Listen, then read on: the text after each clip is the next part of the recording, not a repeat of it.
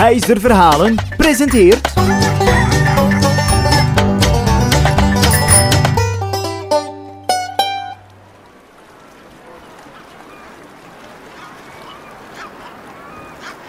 Op een kade in een vissersdorp staan een heleboel mensen.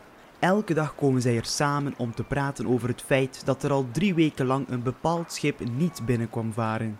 Het schip is een van de grootste driemasters die er is in het dorp en is trouwens heel erg belangrijk omdat dat ene schip elke dag binnenkomt varen met heel veel eten. Veel mensen zijn bang dat het eten op zal geraken en dat ze zullen uithongeren. Een van die mensen was Willem. Willem van der Dekken. Hij is razend populair, zeer groot en zijn schouders zijn zo breed als een muur. Daarnaast is hij de kapitein van het schip, de Vliegende Hollander.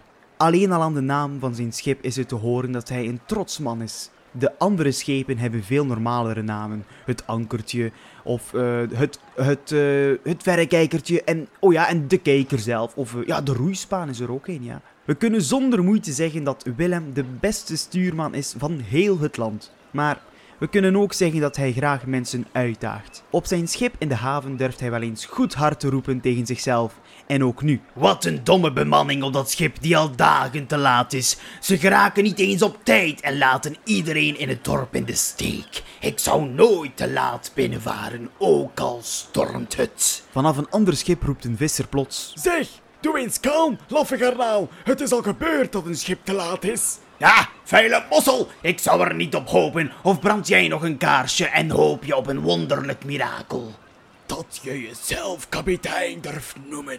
Zwijg, natte makreel. Jij hebt in je leven enkel nog maar garnaaltjes en krappies gevangen. Jouw maag is nog nooit door elkaar geschud geweest door een zware storm. En jij wilt mij een lesje leren?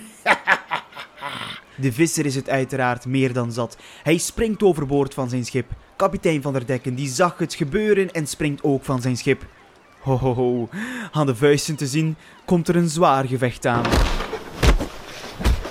En jawel, vijf mannen helpen de visser mee om de kapitein van de Vliegende Hollander te verslaan in een gevecht. Gelukkig is hij gebouwd als een reus en kan hij elke visser aan. Hij heft zijn vuist op en Een gigantische mast, de fokkenmast en eindelijk de kruismast komen uit de golven van de zee.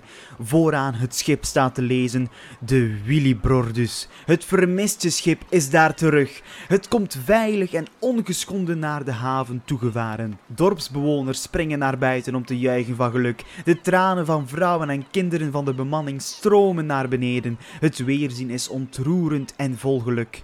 De bemanning van het schip vertelt dat ze tweemaal door onmenselijke stormen werden overvallen. Eerst dicht bij de Kaap de Goede Hoop en vervolgens in een baai bij Indië.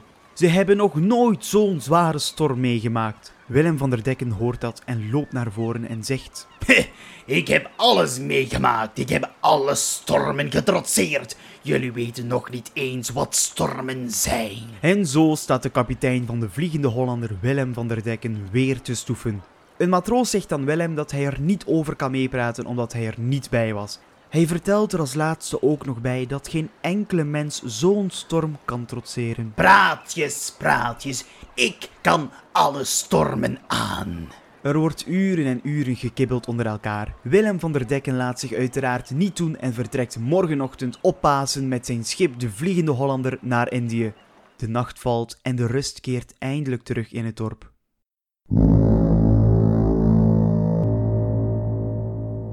Willems wekker gaat harder af dan welke boot dan maar ook. Het is tijd om te vertrekken op deze prachtige paasdag. De Vliegende Hollander is zeilklaar en het duurde niet lang of daar vertrekt hij al. Wacht maar af, zielige dorpsgenoten. En het schip verdwijnt in de golven van de zee. Het is prachtig weer en alles loopt gesmeerd. Na dagen en dagen varen is er nog steeds geen storm te zien. Hij legt het anker voor de kust van Afrika. De kapitein klimt in de mast om ver in de zee te gluren. Gaat hier nu werkelijk geen storm razen? De zee ligt er ontzettend kalm bij dat zelfs Willem van der Dekken geen idee heeft hoe dit mogelijk is. Hij zet zichzelf op het dek en valt zo rustig in slaap. Maar plots daar is hij dan, de vreemde storm. De vliegende Hollander hobbelt op en neer over de woeste golven. Gisteravond was geen wolkje aan de lucht te zien. Willem vliegt recht, neemt het stuurwiel vast om zo het gevecht aan te gaan met de storm. Willem van der Dekken rilt uit strijdlust en denkt erbij hoe jammer hij het vindt dat die gekke dorpsbewoners niks kunnen zien van zijn gevecht met de storm. Maar wat gebeurt nu? Een gigantisch spookschip duikt uit de zee naar boven met een tiental mannen die kanonskogels afvuren naar de vliegende Hollander. Willem heeft niks met het woord opgeven en vaart zo verder. Maar het duurde niet lang of... Een kanonskogel slaagt erin om de mast te raken. De mast valt helemaal uit elkaar en het schip drijft nog met het achterste deel op het water. Willem van der Dekken, zijn prachtige schip, is zo goed als onvaarbaar meer. Gelach en gejoel komt uit het spookschip dat stilaan onder de golven verdwijnt. Daar zit hij dan, al starend naar het water op het laatste deeltje van de vliegende Hollander. Hij keek even naar de golven en hoort plots een donkere stem uit de zee. Kapitein van de Vliegende Hollander, honderd jaar zult gij varen en dwalen. Van zodra gij de kust benadert, zal de storm u terugwerpen. Om de drie jaar moogt gij aan wal komen voor slechts drie dagen. Vindt gij de liefde van uw leven die ten volle aanvaardt en trouw belooft en gij zult verlost zijn van de vloek. Willem barstte uit in tranen en zo startten de lange honderd jaren van zijn leven. Na ongeveer een week dobberen op zee passeert daar plots een schip. Willem die springt overboord en zwemt naar het schip. Hij sprong en... Een onzichtbare muur houdt hem tegen. Willem heeft nu echt pas door dat hij gevangen zit op de Vliegende Hollander. Eenzaam staat hij aan het roer en de wind waait zijn mantel wijd open als een scheepzeil. Hij vaart alle zeeën op en af, maar van zodra hij te dicht aan land vaart, dan zorgt de storm ervoor dat hij er niet op kan gaan. Niets lukt. Hij moet aan boord blijven van zijn schip. En dat in regen en wind, onder klare sterren van de nacht en onder de verschroeiende zon van de tropen.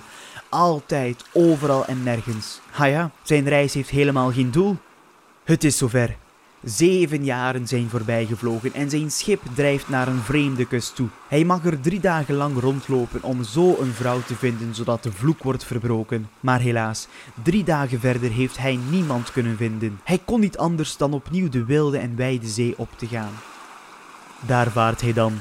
Alle andere schepen en hun bemanning kennen zijn schip zeer goed. S'nachts straalt het hart licht uit. Ze kunnen de vervloekte Willem van der Dekken aan het roer zien staan, zo bleek als de binnenkant van een kokosnoot. Veel schepen proberen steeds zo snel mogelijk weg te varen van de Vliegende Hollander, omdat ze vermoedens hebben dat ze ook vervloekt zullen worden. Al het zeelui zijn er ongelooflijk bang van. Oh, wat zie ik daar? Een vissershut staat rustig te staan aan de voet van een berg. In dat hutje, daar woont Olaf, een oude visser. Samen met zijn dochter Sonja woont hij er al jaren. Sonja staat bekend om haar zeeblauwe ogen. Ze zit vaak alleen thuis omdat haar vader Olaf erg veel op zee vaart om vis te vangen. In de eenzame uren in de hut hoort zij het lied van de zee en kijkt ze er naartoe alsof het een grote schat is. Ook zij weet van het bestaan van de Vliegende Hollander en is zo enorm gefascineerd van de vele verhalen over het spookschip. Zo mag het nu wel genoemd worden. Ze is er zo vaak mee bezig dat haar hart vaak een sprongetje maakte.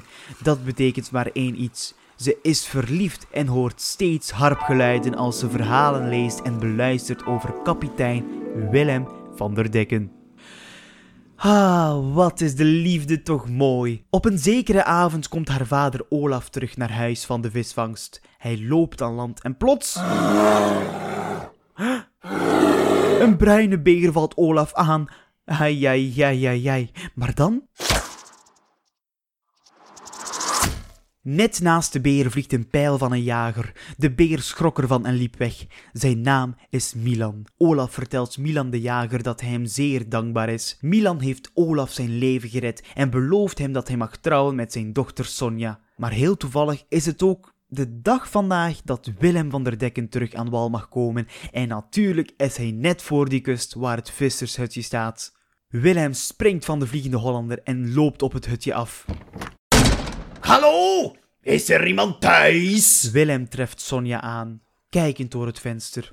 Sonja die schrikt helemaal niet en kijkt Willem aan. Jij bent de vliegende Hollander. Ja, eh, ik ben het. Sonja is er helemaal niet bang van en is ongelooflijk blij om eindelijk haar grote held in verhalen te kunnen ontmoeten. Ze bekijken elkaar met een glimlach aan tot Sonja plots zegt... Alsjeblieft, trouw met mij. Willem, of ja, de Vliegende Hollander noemen ze hem nu, zoals zijn schip klinkt, die zou wel kunnen zingen van geluk.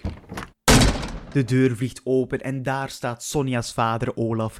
Hij vertelt haar dat ze moet gaan trouwen met jager Milan. Sonja krijgt enorm veel tranen in haar ogen en Willem zegt haar dat hij niet in de weg zal lopen en terug naar zijn schip de Vliegende Hollander gaat.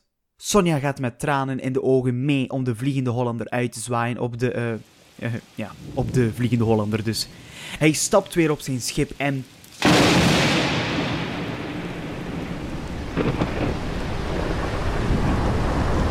De storm is er weer. Die storm slingert hem vooruit, de eeuwige zee tegemoet. De storm is wilder dan ooit. Sonja wuift Willem uit van op een grote rots. Willem ziet Sonja niet meer door de gigantische golven en wat nu gebeurt is enorm tragisch.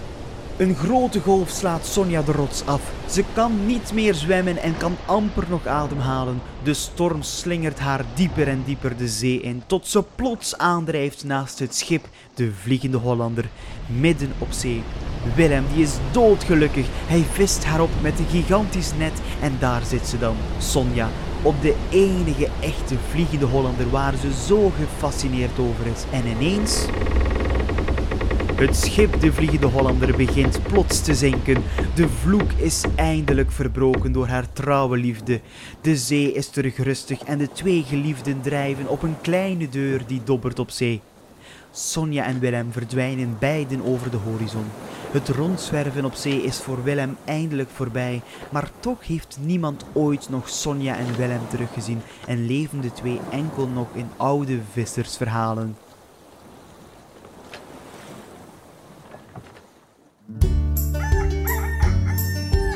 Vond jij dit een leuk verhaaltje? Volg Huizer Verhalen dan maar snel op Facebook en op Instagram.